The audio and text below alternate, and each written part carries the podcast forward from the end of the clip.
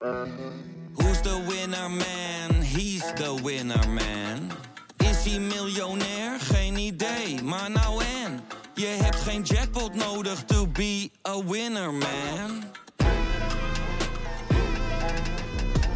Oh oké, dat is wel lekker man.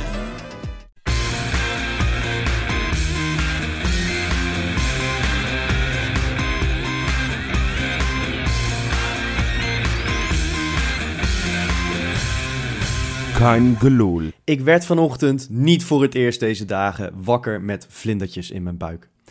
Houden van Feyenoord, dat doe ik natuurlijk altijd. Maar zo smoorverliefd op de club als nu, dat komt wat minder vaak voor.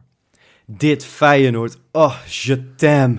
Van de assistenttrainer tot de reservespits die ik eigenlijk helemaal niet wou. De afgelopen drie potjes zagen we op drie totaal verschillende manieren Feyenoord op haar best. Eerst als underdog totaal onverwacht een topper omverblazen. Vervolgens soepel in eigen huis winnen van een stug angstgeknertje. En als kers op de taart, eindelijk is die kuip weer vol. Een krankzinnige ontsnapping in een orkaan van geluid. Natuurlijk was het maar een promovendus. En was het weer des Feyenoords onnodig moeilijk.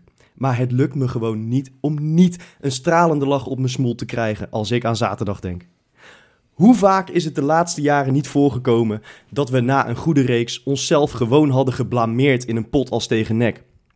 In plaats daarvan zag ik een ploeg die na een zwaar schema op een slechte dag genoeg veerkracht had om tot in de allerlaatste seconde giga hoog druk te zetten, om het publiek op te blijven zwepen, om te blijven voetballen, om te blijven geloven en om zelfs nog de marge naar twee te tillen. Stiekem gingen mijn gedachten terug naar de kin van Kramer in Nijmegen.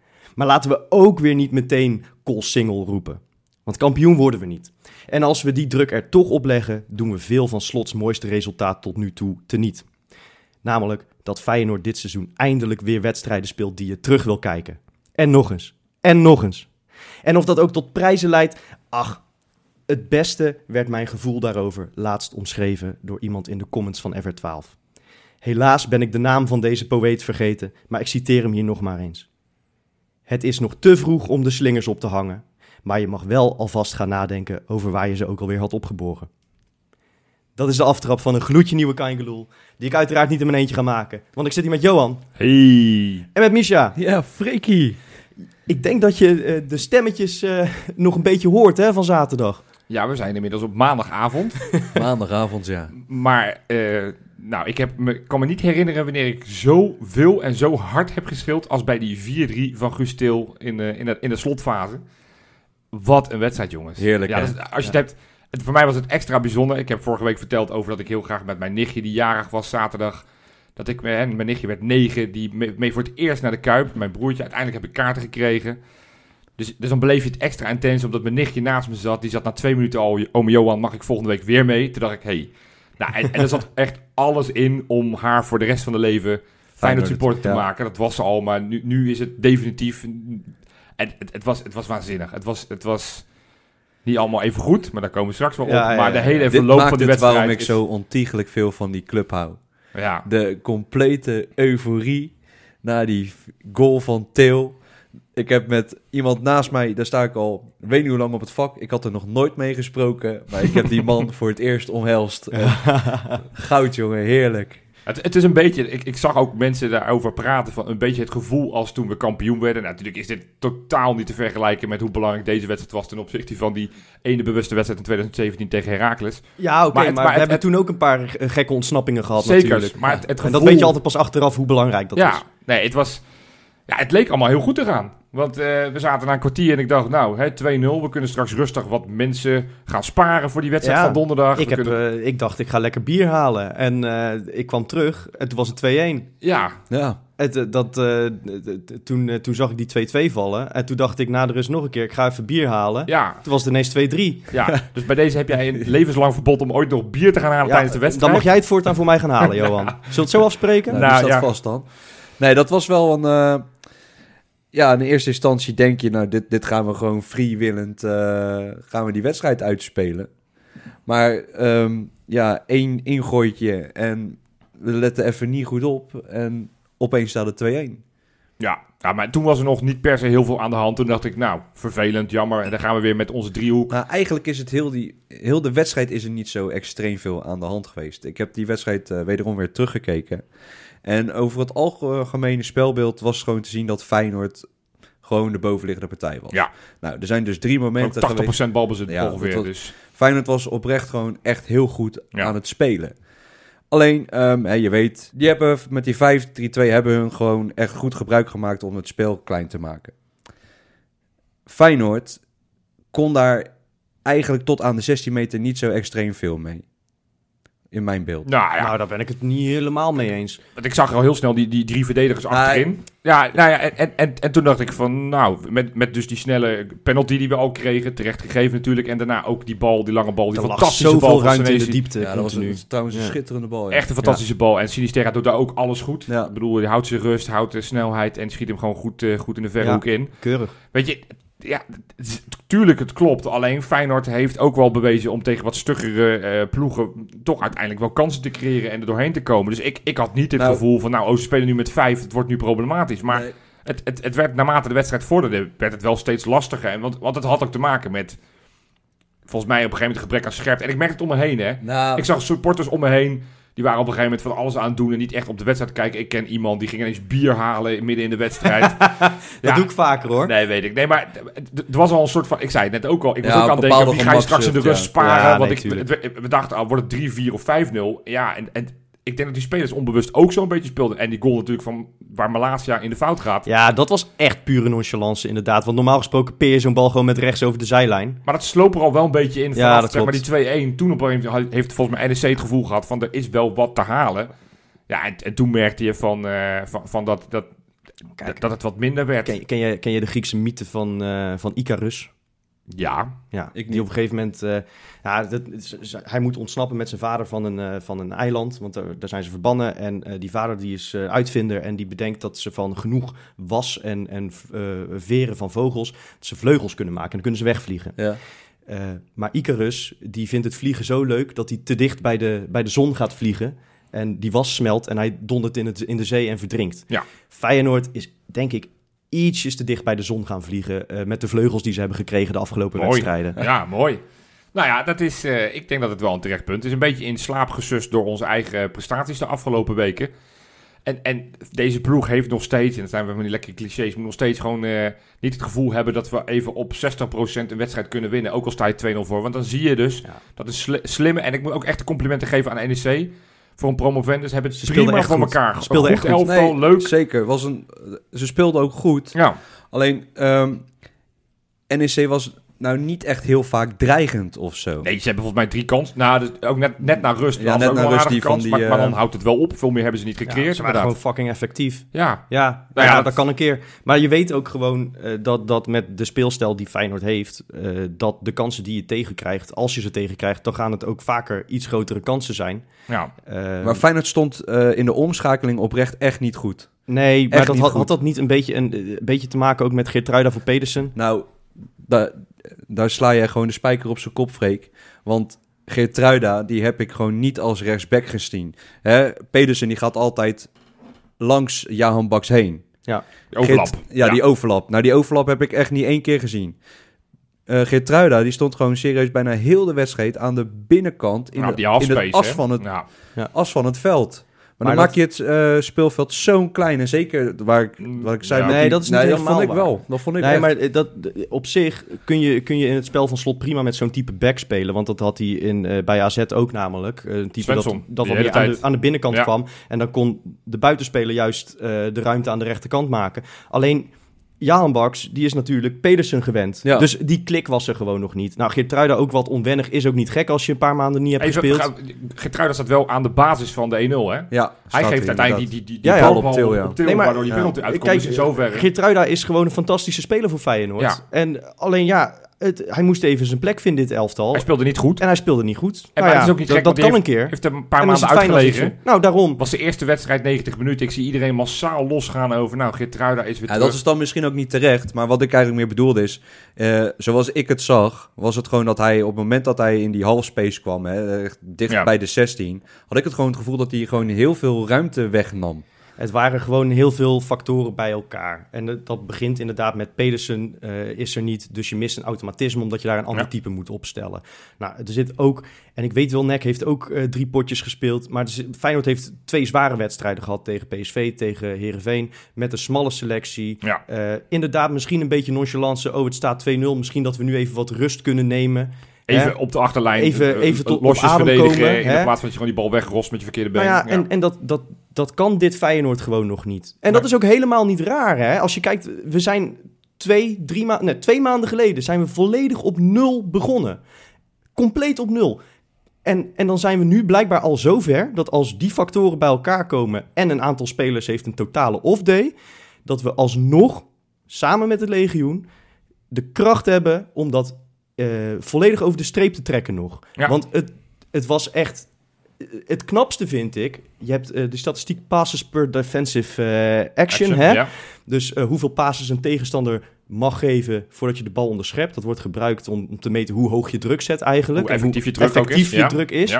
Nou, die, die, die was geloof ik het hele seizoen nog niet zo hoog geweest gemiddeld bij Feyenoord. Nee. En dat was tot in de slotfase hebben ze dat eh, volgehouden. nog, in de Echt, slotfase werd het... eh, werd het nog steeds hoger. Maar de kanttekening daarbij is, NEC die had een strijdplan en Nee, die, die, wilde niet opbouwen, die wilde gewoon de bal naar voren rossen. En dan kom je natuurlijk al... Maar, wat je, maar zeker bij een, eh, hè, op, op het moment dat je achterkomt, dat is na een 2-0 voorsprong, dat is mentaal ook nog zwaar. ja, En het is echt op de allerlaatste seconde maximaal afjagen Dat- geweest. ja, Met de hele ploeg, super gestructureerd, volledig zoals Slot het ons beloofd was. Ja. Het, het was echt een slotoffensief dus. een slotoffensief. ja, mooi. Ja, Ja. wel mooi dat die patronen dan zeg maar er wel al zo ver in zitten dan. Zeker. En, Ja. en het, het geeft ook wel... Nou, die gasten gaan door het vuur voor, eh, voor, voor, voor onze trainer, voor Slot. Guus Til is daar denk ik wel de belichaming van. Ah, Want ik zit, weer, ik, zit gewoon weer terug, ik zit weer gewoon terug te kijken en ik zit te denken, ja, hoe vond ik Guus Til nou spelen? En dan denk ik, ja, ik heb hem Geen eigenlijk... idee. sterk. Nou, hij was, hij was ook vrij onzichtbaar. Maar vanaf het moment Ja. dat Feyenoord 3-2 achterkwam... was hij wel op een gegeven moment de man die de toon zette. Met eh, de eerste eh, gelijk afjagen. Ja, maar bij hem is, en eh, volgens mij hebben we dat al een keer gezegd, er moet ook een statistiek op, eh, op, nou, op alle sites moet u gebruiken van goals per balcontact voor, voor Til. Want ik denk dat hij inmiddels op 1 op 1 staat. Elk balcontact wat hij heeft is een doelpunt bijna. Want, Elf wedst- eh, eh, 13 wedstrijden, 11 goals, Ja, dat is Johan. absurd. ja, maar hij, veel, heel veel Waar de fuck slaat het spel. op? Nee, maar het, het Ik- is ik heb- fantastisch. Ik, Het is- ik ben zo voor lul gezet de afgelopen weken. Ik ben zo gigantisch hard voor lul gezet. Ja? Echt, ze hebben me gewoon eh, op de middenstip gezet, mijn broek naar beneden getrokken en een feestmuts opgegeven. en, en, en, dan, en dan wijzen en lachen. Dat is wat Guus Til en Cyril Dessers met mij hebben gedaan de afgelopen weken. ja, want over Til, toen, toen die eerste gerucht kwamen, dacht ik... mijn god, moeten we dat nou doen? Die gozer die heeft 70 minuten op het hoogste niveau gespeeld. Dan zul je zien, dan is hij tegen april een keertje fit... en dan, eh, dan ben je eigenlijk alleen maar voor zijn revalidatie aan het betalen. En van Dessers dacht ik... ja, daar was ik echt teleurgesteld over. Dat ik denk van, ja. ja, boos en teleurgesteld. Dat ik denk van ja, we zitten de hele zomer zitten we analisten uit te, eh, uit te lachen... die reservespitsen van Utrecht aan ons tippen. En we halen gewoon echt een reservespits van Utrecht. Ja. Nou, ja, schiet mij maar lek. Eh, Ja, ze bewijzen het wel. Want Til is, is waanzinnig. Til is waanzinnig. En, en niet alleen met zijn doelpunten, maar ook inderdaad in het druk zetten, in de leiding nemen in het veld, in zijn na interviews na afloop. Nou, Ja, dat, precies. dat hij heeft ook na de zo die wedstrijd. winnaarsmentaliteit. Hij kan alleen maar chagrijnig zijn. Want hij zei die na de wedstrijd niet soort van... Terwijl je, ik kan me helemaal voorstellen dat je in die euforie die wij net een beetje probeerden te beschrijven... van toch ontsnapt en, en hoe dat verloop van die wedstrijd... Maar het eerste wat hij zegt, ja, ik ben eigenlijk gewoon boos en zagrijnig Ja. over het verloop van deze wedstrijd. Ja, en dan denk ik, inderdaad. dat is wel de mentaliteit die in die groep moet kruipen. Tuurlijk is het Ja. fijn dat je wint, maar je moet ook boos zijn over het feit hoe je in vredesnaam een 2-0 voorsprong in eigen huis zo Ja, snel dat- weg kan dat geven. moet de norm zijn. Tegen. Heerenveen zeiden ze allemaal, ja, normaal gesproken na eh, eh, zo'n topper, dan, dan verslapt Feyenoord vaak. En nu, zijn nu zijn ze de lat dus alweer hoger aan het leggen. Ja. Van, ja, maar hallo, nu moeten we dat ook vasthouden. En daar is Til belangrijk in, denk En- ik. Dat denk ik ook. Ik denk dat het een waanzinnig goede gast voor in de kleedkamer is. En, en dan Dessers, ja, weet je, als je twee keer mag invallen en je maakt twee keer zo'n goal. Wat rijden die mooi Ja. weg, hè? Ja, het is, het fantastisch. Eh, het, het is, je kan ook, ik zei het volgens mij ook vorige week, ik heb natuurlijk een aftrap vorige week eh, eh, opgenoemd, waarin ik toch wel een beetje ook door het stof ging. Ik zei, ja, ik was ook niet zo enthousiast zoals Freek net benoemde. Hij doet het gewoon goed. Ik bedoel, hoe, hoe, hoe weinig minuten hij nodig heeft om die doelpunten te maken en hoe belangrijk die is. En, en wat een leuke gozer het ook is. En dat, dat, Dat laatste, vooral. dat laatste, dat is Kijk. heel fijn, bedoel, maar het gaat uiteindelijk primair om. Maar het is gewoon, als je die ploeg kijkt, als je jongens als Til, ja, hadden we al, Linsen, eh Dessers. Het, het, het zijn allemaal leuke Malaatse, het zijn allemaal leuke gasten. Ja, en met Dessers inderdaad. Kijk, ik, ik zeg net, ik was inderdaad wel boos teleurgesteld over zijn transfer. Maar ik, ik volgde hem bij NAC al een beetje. NAC Ja. is een beetje een ploeg die ik, omdat ik een beetje uit die regio kom, altijd wel een beetje bijhoud. En ik vond dat toen al een hele sympathieke, leuke gast. Maar ik had nooit gedacht dat hij Feyenoord aan zou kunnen. Maar het is wel, als je het iemand gunt... Ja, je kunt, je kunt geen hekel hebben aan die Nee. gast. Nee. En, en zoals hij uitzinnig weer eh, naar die cornervlag rent... eh, wat echt als een trademark is, hè? ja, Dat, al ja zijn ik wil even, even een punt van aandacht. Ja. Want ik, ik zag het Verdonk aan de andere kant ook doen. Overigens, het, ik dacht het gaat er niet gebeuren dat die Verdonk één minuut in het veld en uiteindelijk straks de matchwinner is in de Kuip Ja, dat namens een andere ploeg. zijn, Dat ja. was heel vervelend geweest. Maar die deed na zijn goal ook zo'n zo'n sliding met zijn knieën op de grond. En die, en die viel ook voorover, omdat het veld niet helemaal nat was. Dessers deed Hij gaat zich nog een keer blesseren. Dus niet die knieschuiver maken, gewoon naar die cornervlag Nou ja, rennen hij of doet het als een hele carrière, man. ja, maar ik- zie het al gewoon echt weer gebeuren. Dat hij bij het juichen zijn knie breekt. Doe dat gewoon niet. Gewoon lekker naar die cornervlag. Daar, daar verwel- verwelkomen je met open armen. Maar, maar niet dat gekke gejuich. En als ik dan toch kritisch ben. Ik, wil- ik, ik zie nu iets wat ik overal op de velden zie. En ik, ik wil het ook onze Feyenoord supporters. Ik, denk dat ik, ik ben natuurlijk een influencer. Dus al die mensen luisteren naar me. Oh ja, tuurlijk. Laten we stoppen met dingen op het veld gooien. Ik zag overal op een gegeven moment dat die scheidsrechter wat doet. Dan zie ik op een gegeven moment allemaal van die, van die bieren. Ja, dat is toch echt altijd al geweest. Ja, maar en het laten is natuurlijk... Laten we ermee da- stoppen. daar zullen we het straks wel over hebben, denk ik. Want we gaan het in het tweede item over het legioen hebben. Maar Ja. er zit natuurlijk een soort, soort extra kracht achter nu. Hè? Ja, ja. Van, van anderhalf jaar opgekropte ik snap frustratie. het. Bier gooien dus is nog één, maar... Zou dat ermee te maken hebben, denk je? Ja, ja, ja. Ja, maar ik zie, ik zie het overal op de veld dat ineens van alles gegooid wordt. Laten wij nou niet die club zijn die straks ook een speler met iets... Al is het Nou maar ja, zo ik, zag, ik zag een, eh, een tweet voorbij komen met een oproep van de KNVB van niemand zit te wachten op netten langs het veld en, en geen bier meer. Toen dacht ik, dat heet bij ons een Europees avondje.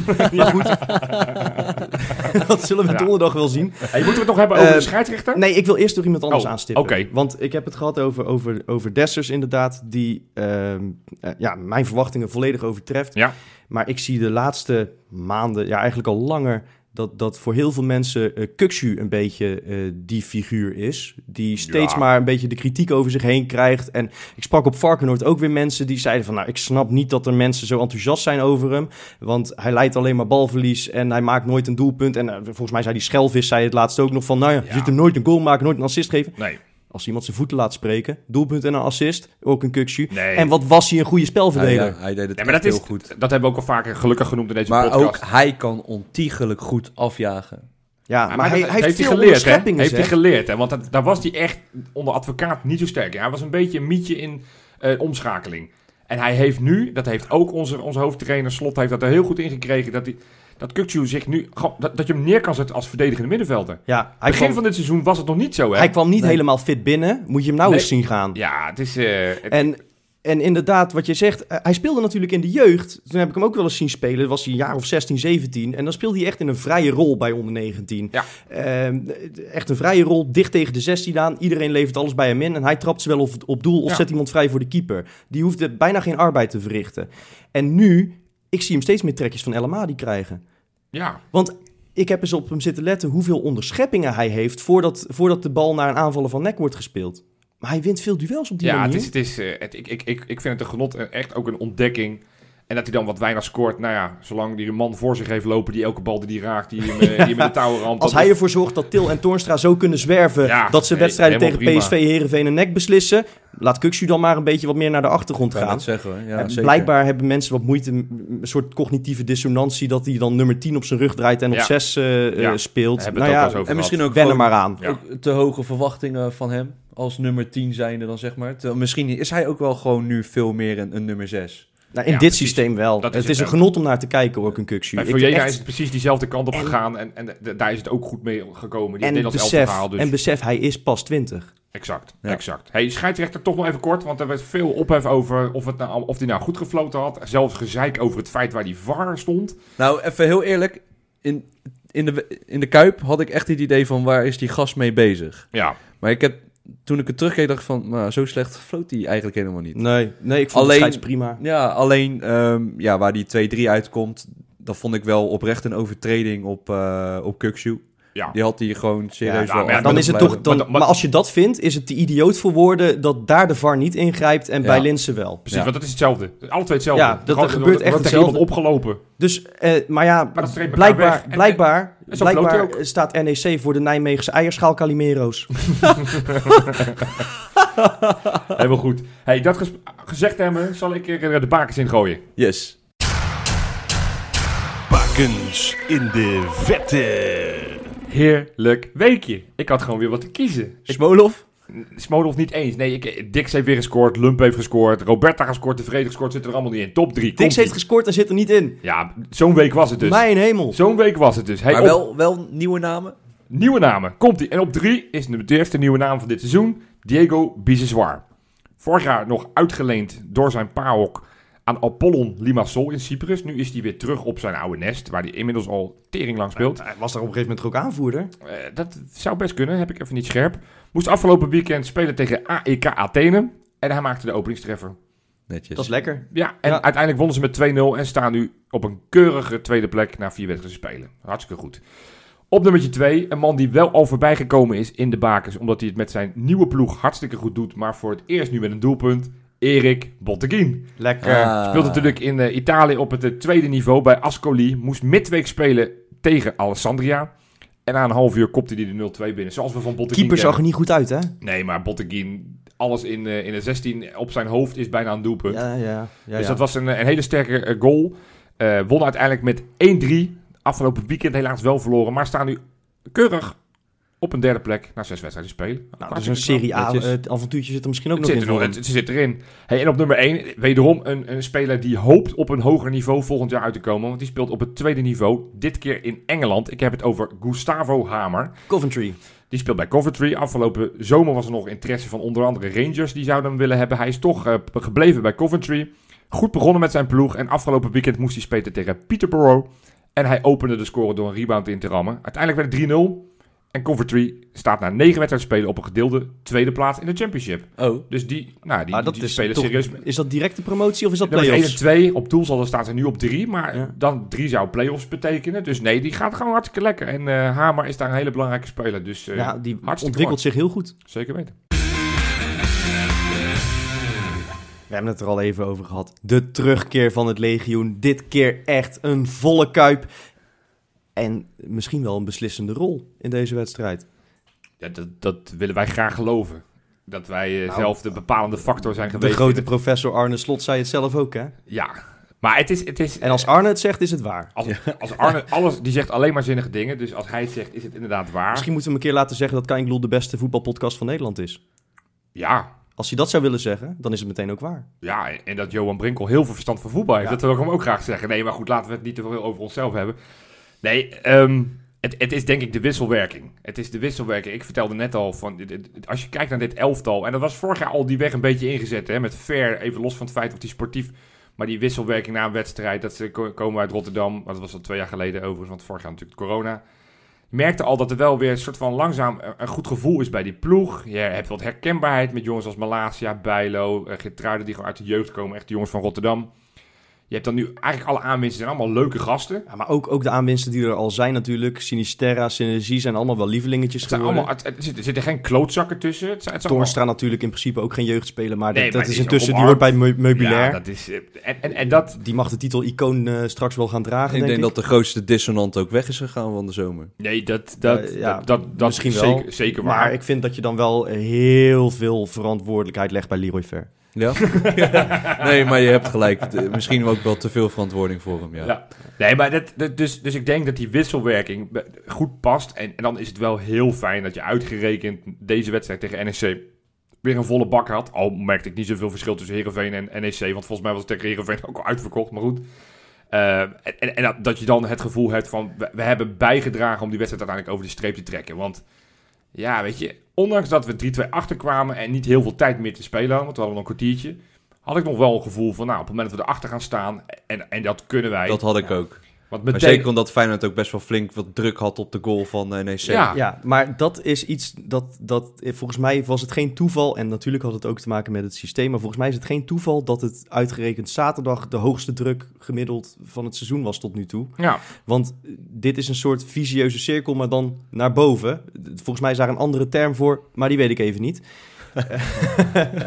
een opwaartse spiraal, zullen we het zo noemen? Ja, Ja, een zichzelf versterkend effect in ieder geval. Ehm, het legioen in de Kuip bij een achterstand, bij een gelijke stand, schreeuwt de ploeg altijd naar voren. Want dat willen wij als supporters. Ja. Maak verdorie die laatste goal. ja.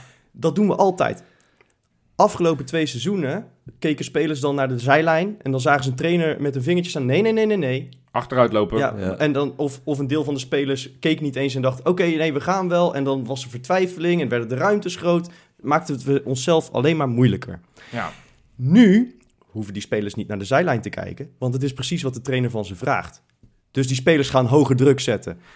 Geven, zetten een stapje extra. Ja. Houden minder in. Het legioen gaat harder schreeuwen. Ja. Oké, dan kunnen wij nog harder. Je, je zag dat eigenlijk vanaf het moment dat, dat we achterkwamen, dat eh, het publiek erachter ging staan, zag je, eh, eh, zag je dat echt ontstaan. Dat, Ja. dat het Ja, je- steeds meer, steeds aanvallender, steeds gelijk. beter werd. Je hebt gelijk, je voelde er ook gewoon dat, dat- die interactie met, met de spelers. elke corner, elke corner eh, stonden, stonden Dessers of Linsen of Toornstra of Kuxu met, met die armen naar het publiek te zwaaien. Ja. We hebben jullie nodig, kom op, kom op. Ja, en, en je weet, daar zijn wij sukkers voor. Daar zijn wij Ja. super gevoelig voor. Dan gaan we nog harder. Ja, want dat, er was wat kritiek. Ik zag een tweet van, eh, van NEC die, die deed bij die 4-3 van... Oh, de- van, een NEC-fan. Je mag gewoon nek zeggen, toch? nee, het is NEC. Nee, ik hou dat wel netjes. Ik hou dat graag correct. Ik heb geen zin in dat het kleine spelletjes spelen. Maar dat, dat, dat de, de supporters in de Kuip eindelijk wat geluid maakten... En toen dacht ik erover na. Eén herkende ik me er gewoon niet in. Ik zat aan de, op de gele zijde, dus aan de harde kernkant. En, en ik heb eigenlijk voortdurend gezang gehoord. Nou ja, ik heb dat dus ook. Maar wat nog belangrijker vind, en, en, en, en ik zag daar iemand over tweeten, ik weet ook even niet meer wie het was. Het, ga, het gaat er niet om wie het langst zingt. Nee. Het gaat er wel om op het moment dat de ploeg het nodig heeft dat we erachter gaan staan.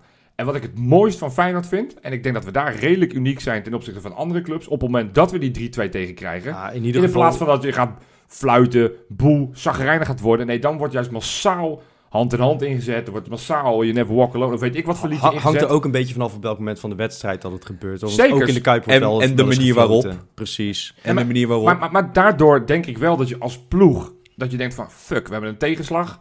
Maar de, de supporters staan er nog, geloven er nog in, laten we er maar gewoon voor vergaan. En, en ik, denk, ik denk dat dat, nou ja, dat het zo'n winst is dat we weer publiek hebben. Zeker in de komende belangrijke weken, ook Europees.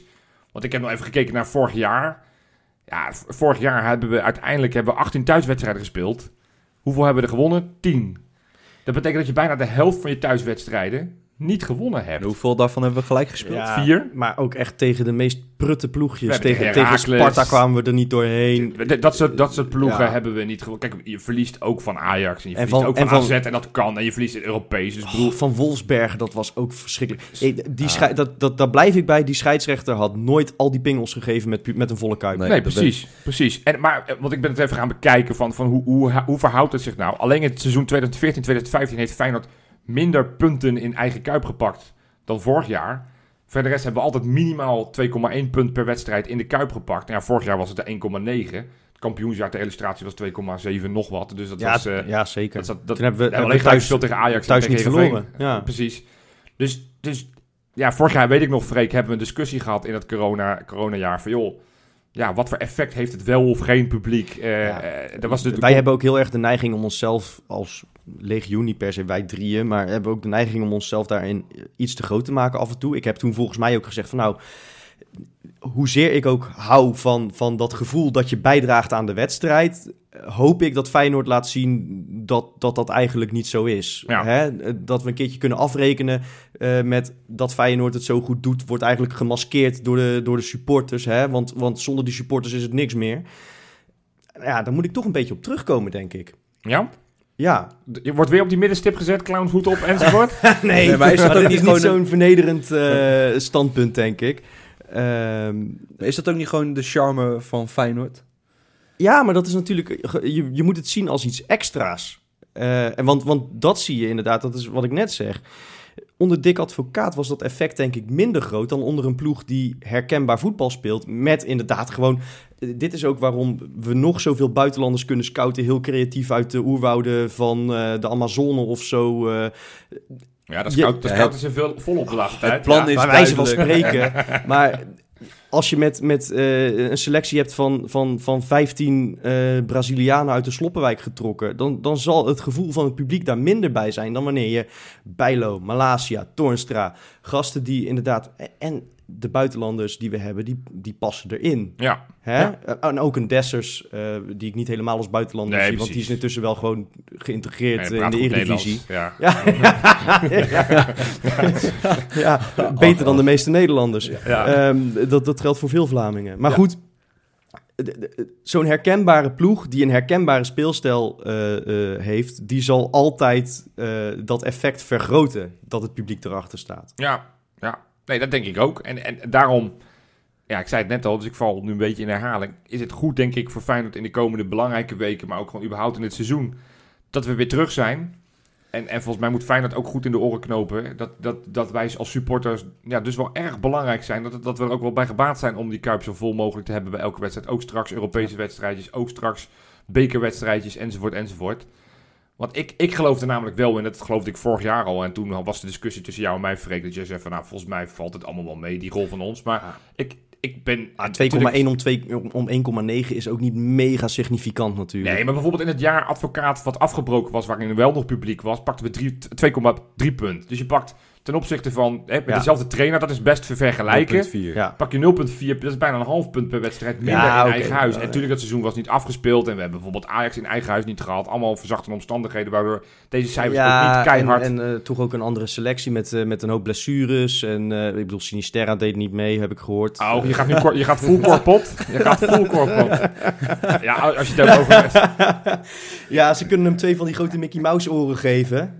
Want eh, het is inderdaad een Disney clowntje. Het is echt niet... Ja, nou goed, daar gaan we het ook nog wel vast wel eens over hebben, over korpot. Want per, per week begin ik me meer te irriteren aan die man. En, en die probeert overal zijn hangje te redden. Maar de meer dat hij zegt... Nou, die kan steeds Nee. meer het rijtje bij, eh, bij Schmid. Misschien moeten ze hun samen moeten hun niet Ja, redden. Hun moeten gewoon zeggen... Oké, we hebben het afgelopen jaar hebben we het gewoon verkeerd aangepakt met deze groep. Ja. Dan hebben ze bal. Ja, maar dat doen ze niet. Nee. Want ze zijn nog steeds heilig van overtuigd dat het verschil is dat Til bij hun er niet was en nu wel. En Nee, dat dat het verschil is. het Nou, verschil is, is dat er nu een trainer staat die een plan heeft. En Die het kan dat- uitleggen. Juist. Dat is ook belangrijk. Ja, nou is vooral dat. Dat Ja. is als, voor je geloofwaardigheid als trainer ook Maar wel je, fijn. je, je ziet het in interviews. Ja, goed, de- de- dan gaan we het over slot hebben. Maar je ziet in interviews, hij kan uitleggen wat, er, wat zijn plan is. Dat wordt ook de waarheid. En eh, hij, hij kan het aan de, de simpelste journalisten en kijkers uitleggen. Dan lukt het aan zijn spelers ook wel. Dat schept gewoon vertrouwen.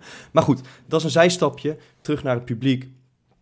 Want ehm, ik wil wel een kleine nuance aanbrengen. Ja. We hebben natuurlijk ook potjes gezien waarin het met twee derde capaciteit wel degelijk ook beslissend was. Ik noem een, eh, een Drita thuis. Ik noem een Manchester United thuis. Waar, waar ook natuurlijk maar eh, de helft van, nou het, ja, eh, van het volk zat. Iets, iets recenter geleden nog eh, in de play-offs voor de Conference League tegen Ik zei Utrecht, geloof ik... Sparta. eh, oh ja, die ook nog. Ja, ja. Ja ik bedoel, precies, eh, ja. die, die- daar had je ook maar eh 6500 man volgens mij die in de Kuip zaten. Maar Het hielp wel. Het, het, het hielp wel. Ja. Maar, maar zo'n kolkende Kuip... Of het nou een scheidsrechter is die er een beetje van onder de indruk... of toevallig een van de verdedigers van de tegenpartij. Ik denk dat, het- dat je dat is- toch altijd een beetje... Van die elf spelers die op het veld staan bij de tegenpartij... zijn er altijd wel twee of drie die denken... holy shit, wat gebeurt hier? Ja. Nou, en als je er twee of drie van dat soort hebt... en het liefst in de achterhoede of misschien nog op doel... Het lekkerste is eigenlijk als de spelers van Feyenoord er, er vleugels van krijgen. Ja. dat is Nou, veel belangrijker dan dat de tegenstander Nou geïntimideerd raakt. mag en en. Die, Nee, maar we hebben nu spelers en, eh, die daarmee om kunnen gaan, die daar vleugels van krijgen. Ja. En dat, dat, dat gaat van Brian Linsen tot Toornstra tot Bijlo. Eigenlijk allemaal zijn het... eh, en ik denk Dessers stiekem eigenlijk ook wel. Zeker. Dessers, absoluut. Ja. Er is een reden dat hij bij NAC veel beter was dan, eh, dan bij, U- Utrecht. Ja. Heeft denk ik ook te maken met de trainer die hij heeft. Want eh, Ja. bij Gent, bij Gent kon hij van- Genk. Genk. Genk. Die heeft hij dezelfde trainer en ook niet echt het vertrouwen. Dus ik denk... Nee, dit was Van de Brom. maar Bij Van Ja. de Brom maar, bij Utrecht maar was ook het geen is inderdaad, dat is typisch een gast die vertrouwen nodig Ja. heeft. die, die helemaal gloeit van trots van een volle kuip. Ik denk overigens dat Bozeniek in een volle kuip ook een betere spits was geweest dan het afgelopen seizoen wat we van hem Ja. hebben gezien. Ja. Dat, dat zijn gasten. Het lijkt alsof Arnesen, eh, en eh, misschien val ik een beetje in clichés, maar alsof Arnesen gescout heeft op kuipvrees. Vroeger hadden we spelers die, die om zich heen keken en denken: Oh lieve help, deze mensen worden straks ook boos als ik een kans mis. En nu heb je spelers die denken: Gaaf, vol stadion, we gaan ervoor. En dat, en dat kader, ik ga hem toch noemen. En daarna gaan we richting de afronding van dit item. Eh, Wesley appte mij en ik moest heel erg hard lachen. Maar toen ging ik toch denken, ja, het zal toch niet? Wesley heeft een haat-liefde verhouding gehad met onze rechtsback Lucerel Geertruida. Hè, In de tijd dat er wel publiek was, was hij niet de allerbeste speler, zullen we het maar even zeggen. Vorig jaar, toen er geen publiek was, was hij een van de betere verdedigers die we, die we hadden. Nou, nu speelde hij weer, was het niet zijn allerbeste wedstrijd. Help me alsjeblieft, dus bevestig naar mij dat, het, dat, Jawel. dat hij geen kuipvrees heeft. dat Luister, dat kan je niet baseren op één wedstrijd weer. Nee, Oké, we dus hebben Wesley toch echt genoeg, genoeg rationele argumenten om, om een mindere wedstrijd van Geertruida te verklaren. We hebben toch vorig seizoen gewoon gezien wat hij kon. Precies. Dat komt echt wel weer terug. We hebben het gehad over de kracht van het publiek. En die gaan we, als het goed is, op een Europees avondje zien als nooit tevoren. Zeker na zo'n lange coronatijd. Eh Slavia Praag komt eraan. Gaan we je straks alles over vertellen. Maar nu eerst.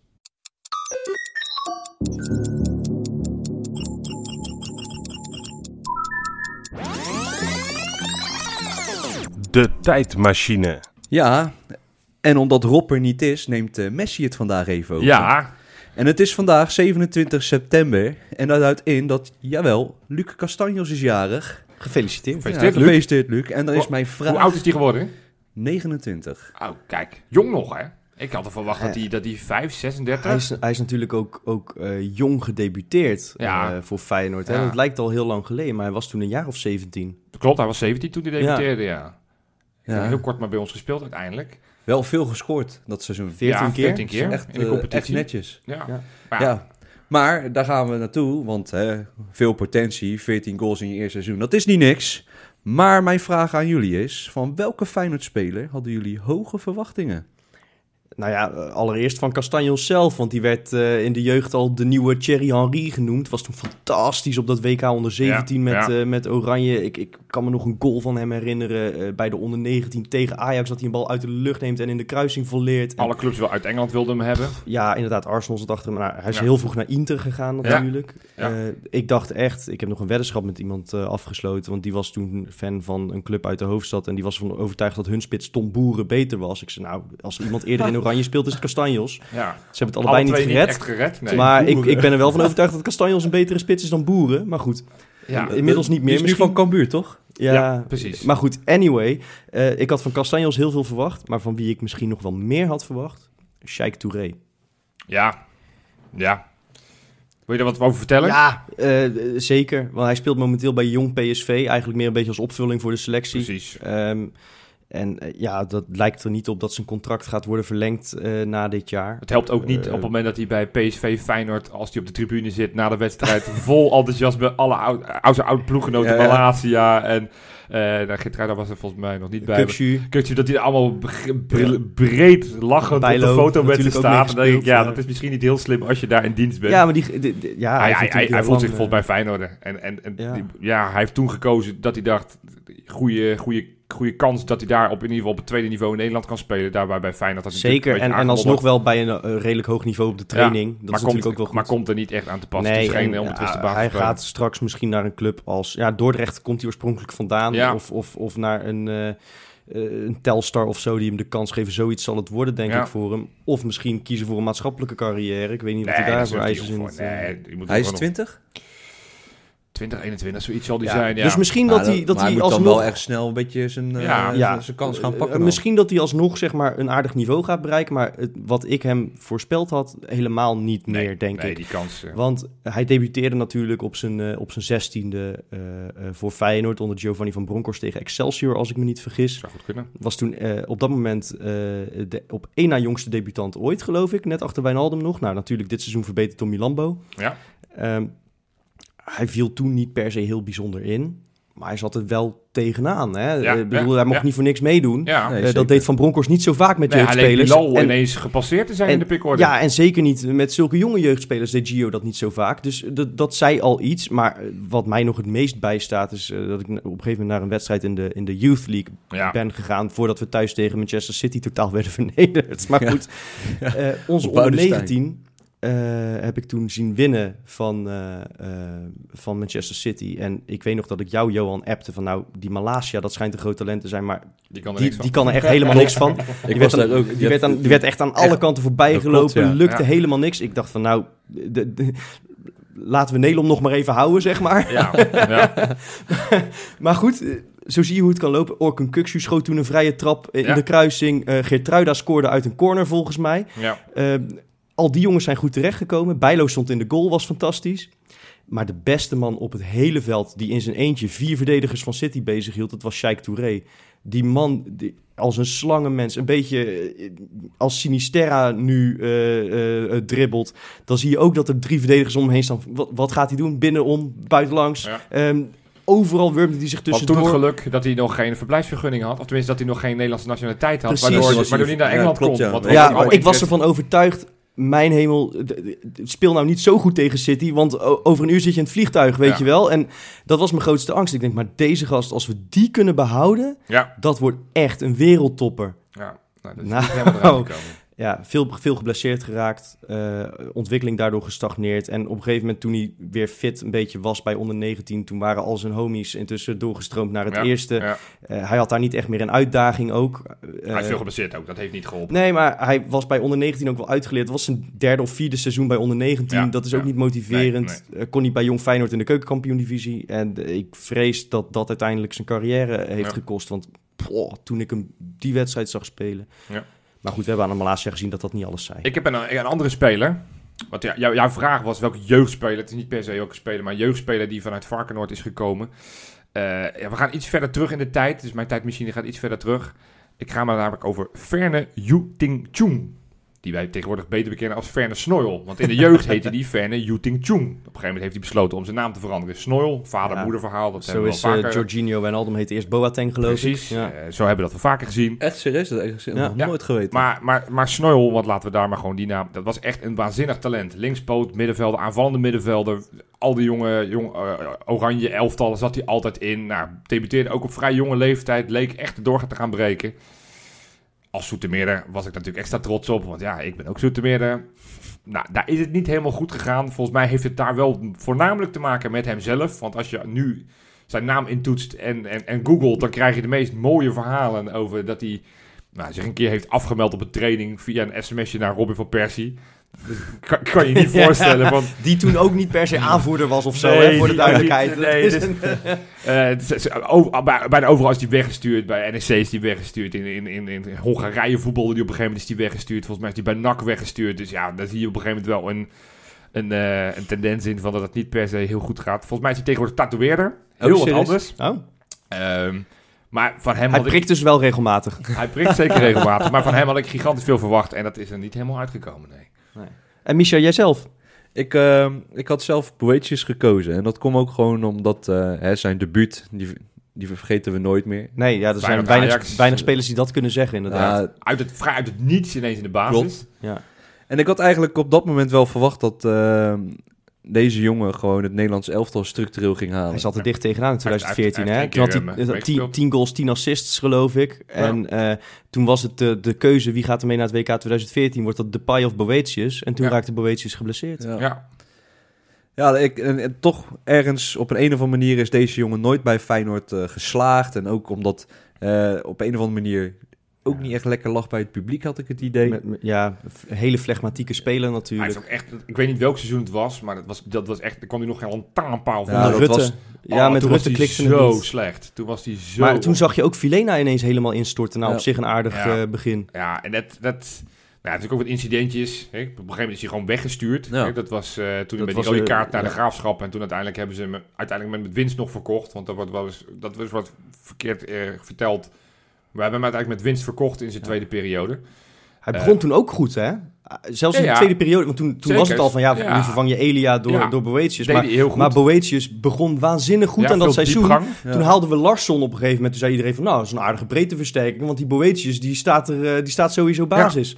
Ja, dat, dat stortte ook weer heel snel in. Ja, nee, dat is, die, dat is er niet helemaal uitgekomen. En bij, hij speelt nu ook al vier, vijf seizoenen bij Mainz. Ja. Nou, op zich hartstikke goed. hè. Ik bedoel, Bundesliga is een prima niveau. Maar ja, steeds wordt... nou, af en toe heeft hij weer een opleving dat hij weer vier wedstrijden gespeeld heeft en vijf goals maakt. En, en daarna is het weer een hele tijd niks. Hij Ja, het is, hij is gewoon rete wisselvallig. En dat, Ja. dat, dat vind ik echt, echt heel jammer. Het is wel trouwens... En, en- dat, daar, daar hunker ik wel naar. Volgens mij is hij de laatste echte aanvaller die doorgebroken is.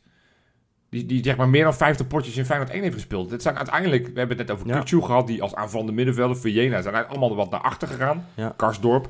Ja. Echt Nou ja, aanvallers zijn de laatste jaren niet meer doorgebroken. Dylan Vente begon Ja, natuurlijk heel goed. maar Vente dat- te denken. Maar... Ah, die begon natuurlijk heel goed, hè? Ja. Vijf goals, twee assists, eh, geloof ik, in zijn eerste paar potjes. Eh Achabar heeft natuurlijk twee waanzinnige goals tegen PSV gemaakt. is er maar nooit maar gekomen. El, El Honkouri. Ja, Ja, die wordt nu die- rechtsback bij Groningen. Die is rechtsback En, eh, aanvoerder. wel dat aanvoerder, ja. Ja, ja, dat is wel grappig. Maar Maar, het is- het is- maar, als je dan toch inderdaad aanvallende spelers waar je, niks, waar je veel van had verwacht die niks is geworden. Ja, die Schuurman. Ja, ja. Ja. Of, of nog zeg maar voor de, de echte diehards. Marlon Slabbekorn was echt een waanzinnig talent. Nou, die speelt volgens mij nu derde klasse amateurs. Ja. Dus zo hard kan het ook gaan. Nee, dus we hebben er echt wel wat gehad die met heel veel bombari Maar de- eh, de- tegen de deur aan te bonken. Maar puntje bij Er paaltje. komt wel wat aan vanuit Verdonk. de jeugd, hè? Ook eentje overigens. hè. Dat is geen aanvaller. Nee, maar, Ja. maar de- het, het zou lekker zijn voor Feyenoord.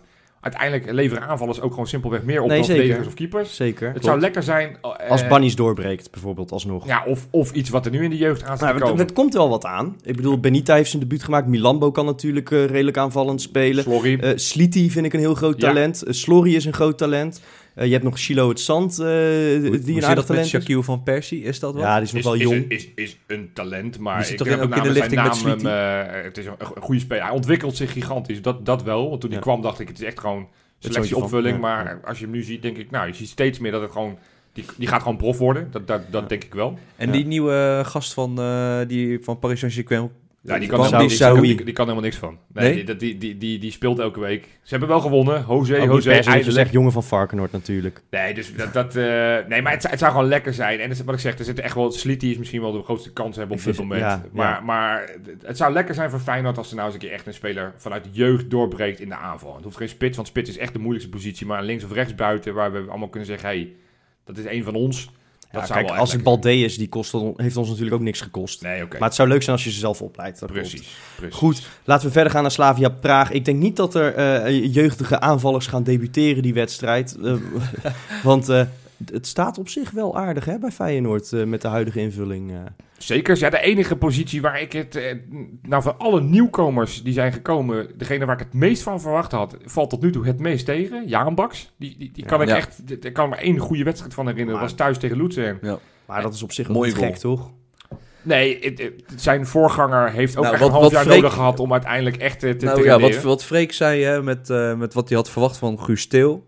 Denk ik dat je dat een klein beetje met Jahan Baks kan hebben. Die, dat, Ja. dat het wel echt even een half seizoen gaat duren voordat die man weer een Ja. beetje op zijn daarom is, daarom is het heel fijn dat je met Sinisterra de beste linksbuiten van de Eredivisie hebt. Ja. ja, maar het is wel, Ja. wel jammer dat je nu die Reece Nelson... dat die, dat, Dat hij ook geblesseerd is. Wat, als rechtsbuiten. En nu, nu vulde Ja. Linsen er tegen, tegen NEC best aardig in. Maar het is geen nee, rechtsbuiten. dat, dat kan niet bij Feyenoord. Dat, dat, weet je, dat vind ik toch wel een beetje armoedig. Hoe lang is die Nelson nog? Ja, eh, dat is heel hij, zou, hij zou donderdag bij de selectie kunnen zitten, Ja, begreep ik. Als het echt nodig was, zo kwam het een beetje Ja. over. Ik denk dat we het realistisch gezien na de, na de na de interlandperiode, ja. Maar ja, het, het, het, het- nou ja, ik denk gewoon als iets meer eh, variatie als die rechtsbuiten. Want echte buitenspelers hebben er feitelijk nu maar twee in de selectie. Ja, maar zou, zou die niet stiekem gewoon weer voor, voor Eusenes kiezen? Voor wat meer balans tegen Slavia Praag? Het zou mij niks verbazen. Maar goed, ja, waarom, ja, je speelt in eigen huis, je moet winnen. Want die wedstrijd is wel rete belangrijk. dat is en, echt heel belangrijk. en misschien is dit wel de sterkste ploeg. Sowieso op papier zijn ze de sterkste. Maar goed, Ja. hoe, hoe, hoe staat Union Berlin? Die doen het ook niet onaardig in de Bundesliga.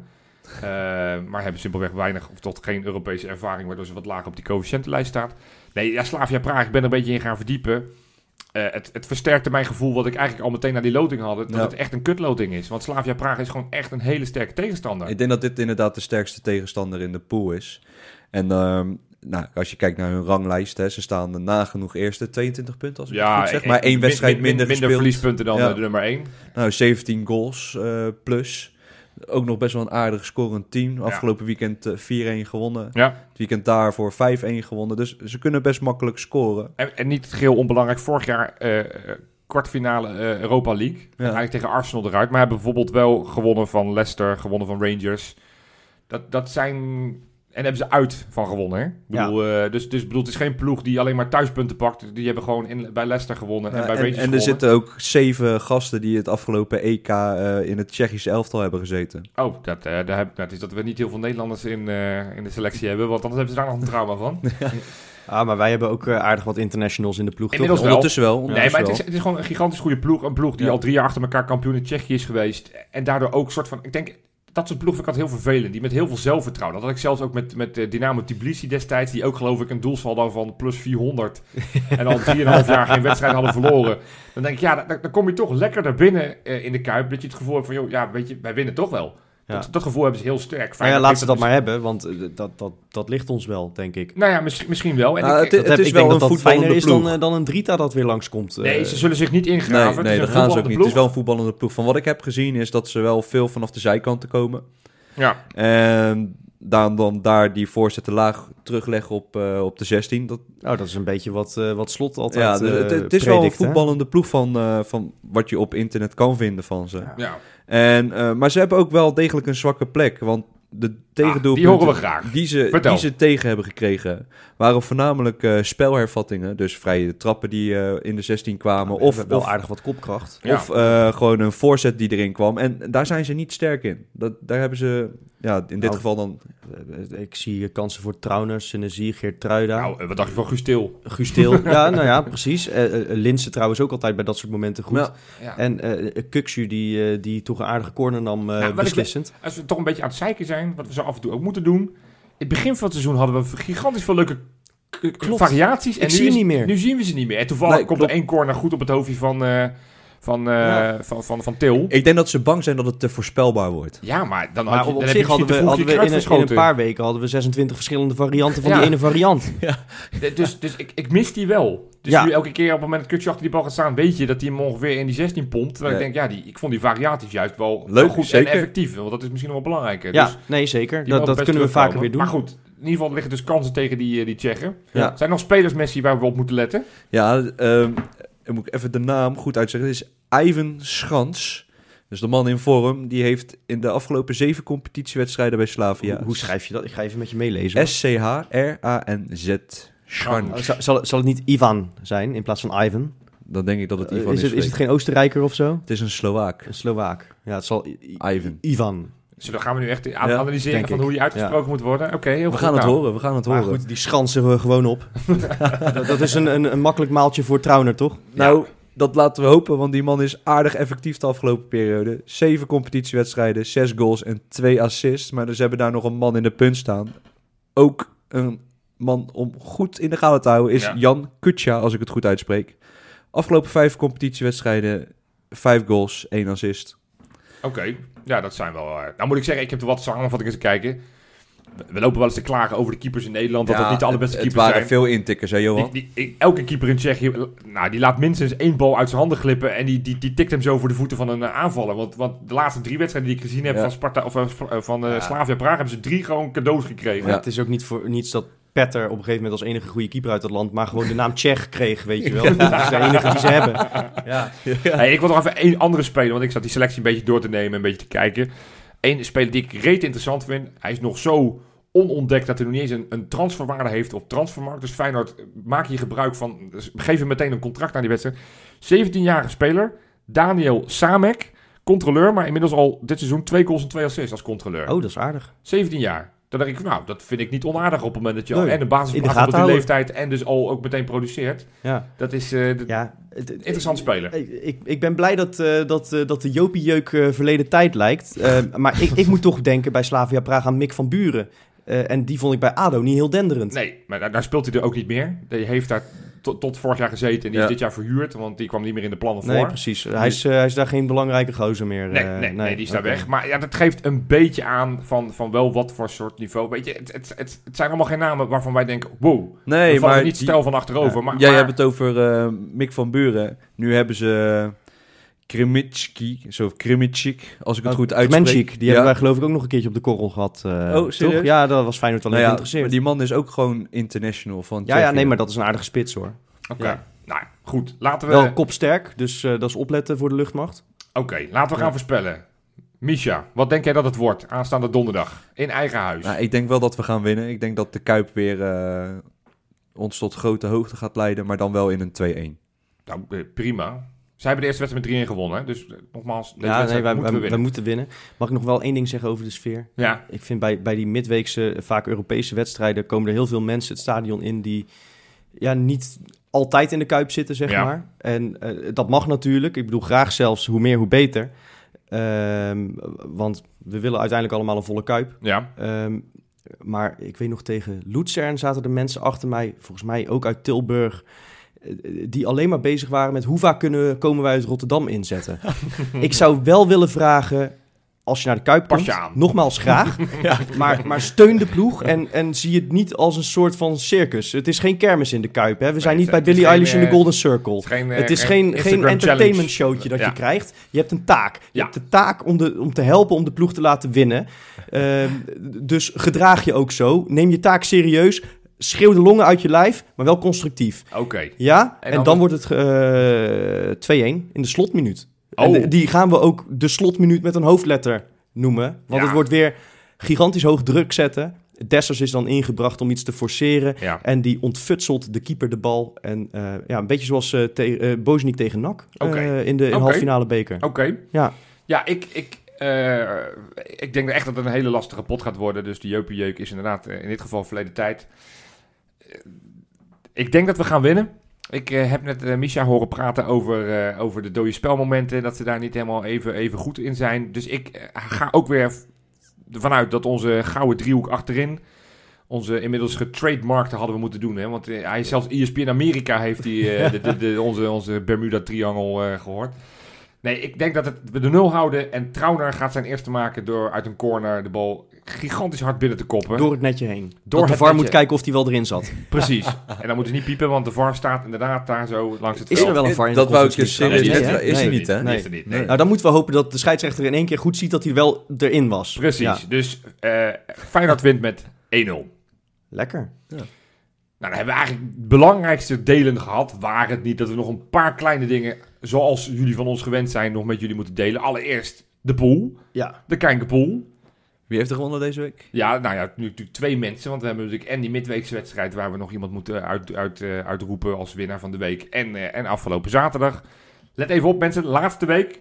Deze week gaan we de, de, de, ja, de, de, week of de, de periodewinnaar bekendmaken. En die wint zo'n gigantisch leuk shirt. Maar in ieder geval, wie goede zaken heeft gedaan tegen Heerenveen was Mats Struik. 28 punten gehaald van de Zo, 35. Dat zijn er een Aardig. hele hoop. Tegen NEC was het ietsjes minder wat er gescoord werd. Maar goed, eh 22 punten waren drie mensen die dat gehaald hebben. Niels van Deutenkom, Deur Rubber Oké, nee. eh, de- en JP. En dat, die zit voor ons in het vak. En die zei no voor de wedstrijd, hij zei, ja, maar ik ben normaal gesproken echt heel goed in poeltjes. Ja. ja, hij had ook vijf goals of meer voor Feyenoord voorspeld. Ja, dus dat nou, is op zich gelukt. Nou ja, maar hij Ja. zei, van, ik ben normaal gesproken heel goed. En hij klaagt een beetje over zijn lage positie. Maar goed, hij is dus in dit geval wel weekwinnaar. Hij gaat dus JP, stijgen. Hij gaat stijgen. Ja. Top 3. Claire Bentvelsen op 3. Mats Struik, daar hadden we hem weer. Ja. Op nummer 2. En El Geffen Nog steeds nog leading. steeds op 1. Dus nou ja, Ja. deze week wordt alles Nou, besloten. voor mij komt de top 100 weer in zicht. Dus eh, ja, ja. ik, sta in het, ik sta nu in top, ik sta zesde. Rob was hem een keer vergeten in te vullen. Ja, dan ga je Rob voorbij. Dag Rob. Dus, Doei, eh, naar de kelder. Precies. Hey, en dan hebben we ook nog nieuwe patronen. Ja, noem dat maar een, een klein iets. De- dat zijn onze helden, joh. Absoluut. Dat, eh, kom op. Ja, en de patrones van deze week zijn Koen Broeders, Robert van der Hul, Nick Vloedgraven, Ruud Vork, Dennis Sielstra en degene die opnieuw terug is gekomen bij ons is Ildi Sepsani. welkom, Welkom. terug. En ja, welkom als je nog niet eerder lid van ons bent geweest. En deze mensen krijgen natuurlijk eh, snel weer een hele leuke tegenstander. eh, gemaakt door de enige echte Wesley van Oeveltje. Ja, Sterker Eh. nog, voor aankomende wedstrijd tegen Vitesse heb ik een, een waanzinnige tegenstander kleine tease. Kleine tease. Zal ik gewoon zijn naam zeggen? Nee, nee, ik zou zijn naam niet zeggen, Misha. Maar ehm, misschien is het eh, is een hint dat hij ehm, twee plastic gewrichten heeft. Nou, dan heb ik geen idee wie het Of- is, terwijl, of- terwijl ik of wel metaal, weet ik niet. Maar een kunststofgewrichten. Hij heeft twee kunststofgewrichten. Oké, nou helemaal goed. Nou ja, dan hebben wij volgens mij alles weer besproken wat we wilden bespreken. Donderdag aanstaande, na de wedstrijd, gaan wij weer ouderwets opnemen. Dus dan zijn we weer terug. Dus ik zeg toch iedereen tot donderdag. Tot donderdag. Tot donderdag.